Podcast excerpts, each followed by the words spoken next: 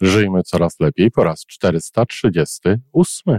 Słychać w tym też brak wiary w to, że produkt, który sprzedajemy, y, jest y, znakomity.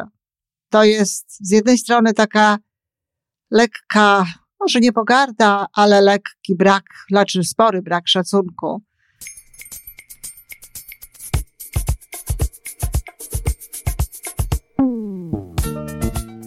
Witamy w kolejnym odcinku podcastu Żyjmy Coraz Lepiej, tworzonego przez Iwonę Majewską Opiełkę i Tomka Kniata. Podcastu z dobrymi intencjami i pozytywną energią, ale także z rzetelną wiedzą i olbrzymim doświadczeniem we wspieraniu rozwoju osobistego. Chodzi nam o to, aby ludziom żyło się coraz lepiej, aby byli coraz bardziej spełnieni, radośni i szczęśliwi. A że sposobów na spełnione życie jest tyle, ile nas, więc każdy musi znaleźć ten swój. A teraz już zapraszam do wysłuchania kolejnego odcinka. Dzień dobry, kochani, czwartek. Z tej strony wasz psycholog biznesu Iwona Majewska-Opiełka. Pamiętam taką sytuację. E, firma, która zajmowała się sprzedażą pościeli wełnianej, bardzo dobrej zresztą pościeli gatunkowo, sama z niej korzystałam przez wiele lat. I organizowali te spotkania w restauracjach na początku, zanim zaczęliśmy współpracować. Organizowali je pod takim, no, trochę manipulacyjnym, trzeba powiedzieć, szyldem, bo zapraszali ludzi na obiad z prezentacją. Czyli ludzie przychodzili na ten obiad, żeby skorzystać. Było to w restauracji.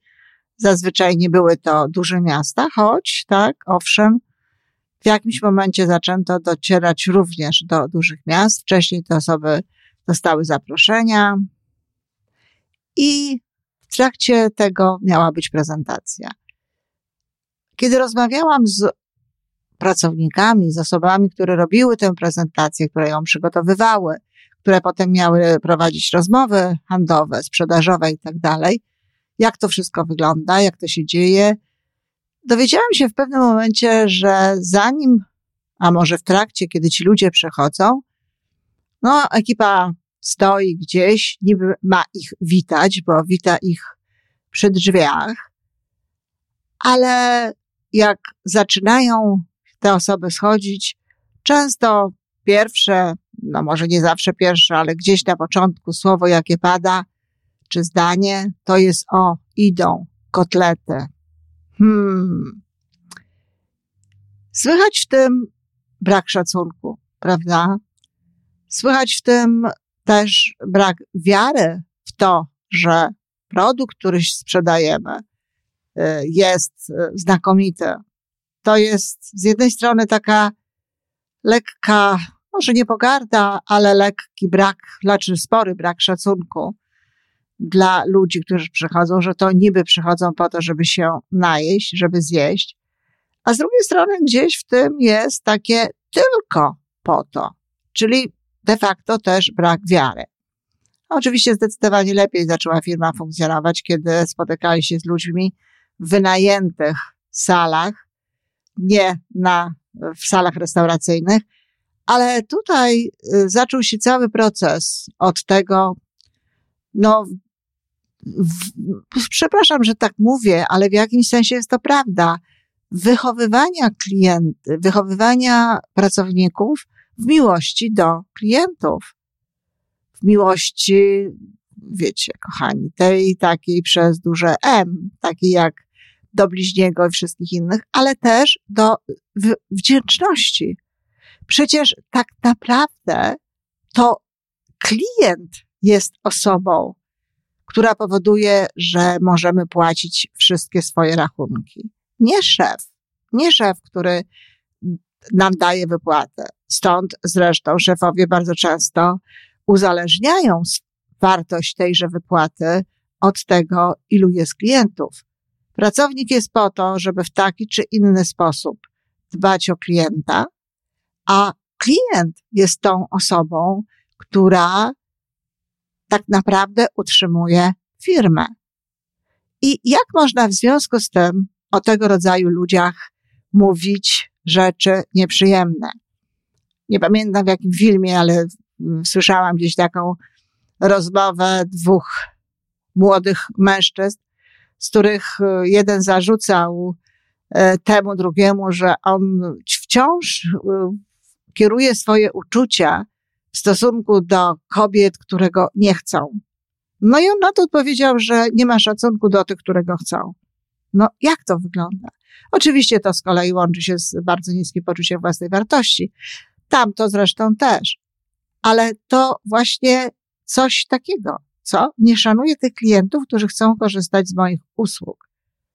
I trzeba powiedzieć, zresztą kiedyś można było obserwować takie zjawisko, dzisiaj rzadziej, rozkłada się ono w zależności od tego, z jakimi ludźmi mamy do czynienia.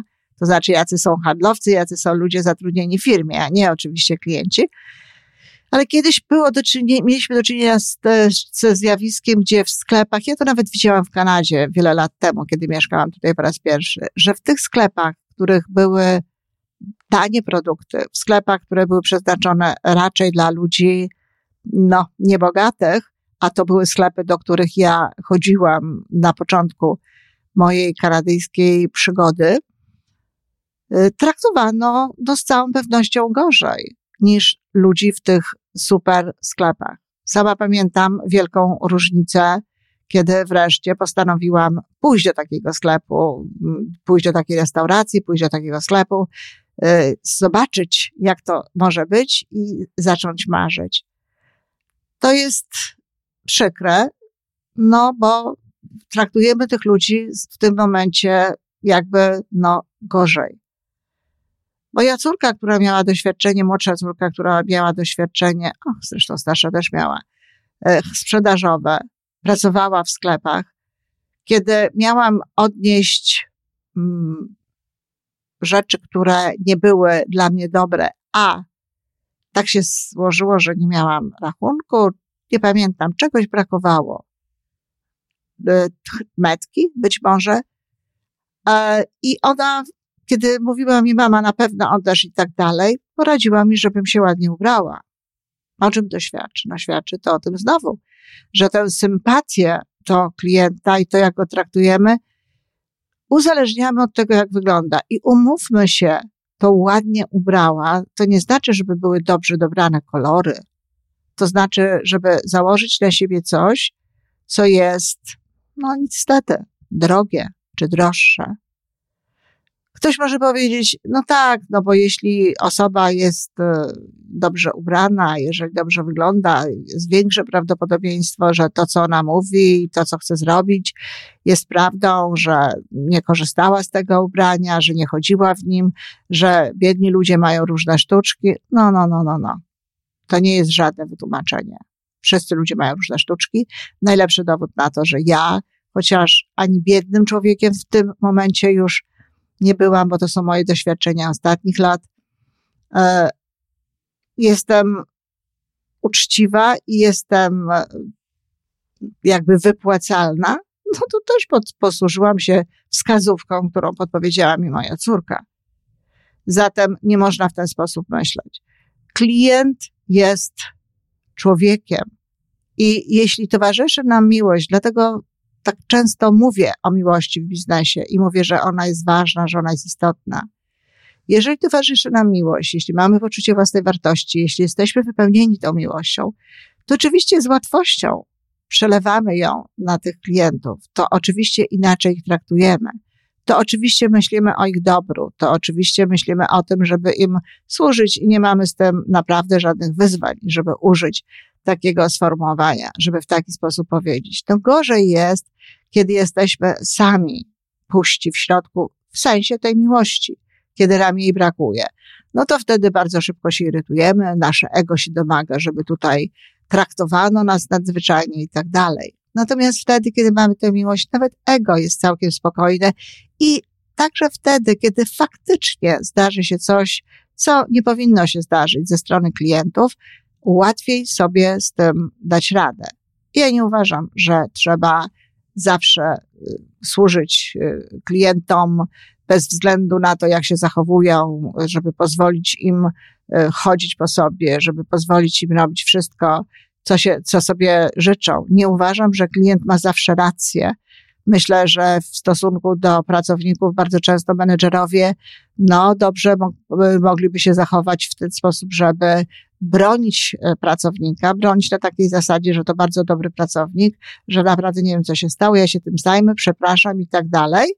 Jeśli miało miejsce jakieś faktycznie, no, nie najlepsze zachowanie, ale sprawdzić to i dopiero mieć pretensje do pracownika. Łajanie pracowników, co też widziałam na oczach klientów, nie jest niczym dobrym, niczym właściwym. I założenie, że klient ma zawsze rację, też nie. Klient nie zawsze ma rację, natomiast zawsze trzeba go traktować z szacunkiem i z miłością. Zawsze trzeba do niego podchodzić w taki sposób, aby nie tracił ani on sam w swoich oczach, ani abyśmy my nie tracili w jego oczach. Jeśli nie traktujemy klientów z szacunkiem, to nie chodzi tylko, kochani, o takie moralne zasady, o to, żeby było miło i sympatycznie. Jeśli nie traktujemy go z szacunkiem, to nie zdając sobie sprawy z tego, inaczej go obsługujemy inaczej do niego podchodzimy. To mogą być drobiazgi, to mogą być niuanse, to może być grymas na naszej twarzy taki czy inny, to może być mm, uśmiech nie do końca taki, jaki mógłby być. To jedno. A drugie, nie kreujemy dobrej energii. Nie ma dobrej energii w miejscu, w którym nie szanuje się klientów, w, których, w którym mówi się o nich źle. Bo często jest tak, że tu się staramy, no właśnie, staramy, a co z tą prawdą, która jest w naszej podświadomości. Jak tu być spójnym wewnętrznie, jeśli najpierw żeśmy napowiadali niesympatycznych rzeczy na temat klientów, a potem próbujemy mu służyć albo na przykład czasami dotykać. Kiedy pracowałam z, z salonami kosmetycznymi, to znaczy nie z nimi samymi, ale zatrudnionymi tam zazwyczaj kobietami, też zdarzało się, że mówiły nie najlepiej o klientce, no bardzo niedobrze nawet czasami o tej klientce mówiły. A potem ta klientka przychodziła i kobieta, która jeszcze godzinę temu, pół godziny temu, no bo mówiła właśnie, że spodziewa się tej jęcy, a to dość łagodne określenie, miała ją dotykać. Miała ją dotykać, miała robić różne rzeczy w bezpośrednim kontakcie z tym ciałem. No i jak, i co? Jaka to energia? Co ona przesyła w tym momencie?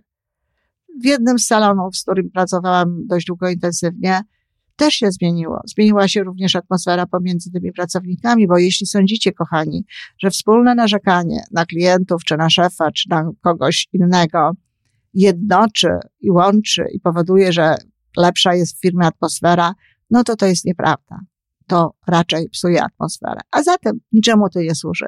Czyli krótko mówiąc, starajmy się kochać naszych klientów, najlepiej jak się nie musimy starać, tylko po prostu jesteśmy wypełnieni miłością i to przychodzi automatycznie i w żadnym, w żadnym wypadku nie mówmy o nich niedobrze. Dziękuję. I to wszystko na dzisiaj. Podcast Żyjmy Coraz Lepiej jest stworzony w Toronto przez Iwonę Majewską-Opiełkę i Tomka Kniata. Sześć razy w tygodniu przygotowujemy dla Was nowy, ciekawy odcinek. Jeżeli lubisz nas słuchać, to prosimy o reakcję. Polub nas, skomentuj, tak jakbyśmy sobie po prostu rozmawiali. Zapraszamy do darmowej subskrypcji. Jesteśmy dostępni na każdej platformie, gdzie można słuchać podcastów. Wystarczy nas tam poszukać. A po więcej informacji zapraszamy na stronę www.majewska-opiełka przez l.pl. Jesteśmy też na Facebooku i na Instagramie. Jeżeli uważasz, że nasze podcasty pomagają Ci w Twojej drodze do jeszcze lepszego życia, to proszę, przedstaw nas swoim przyjaciołom. Do usłyszenia.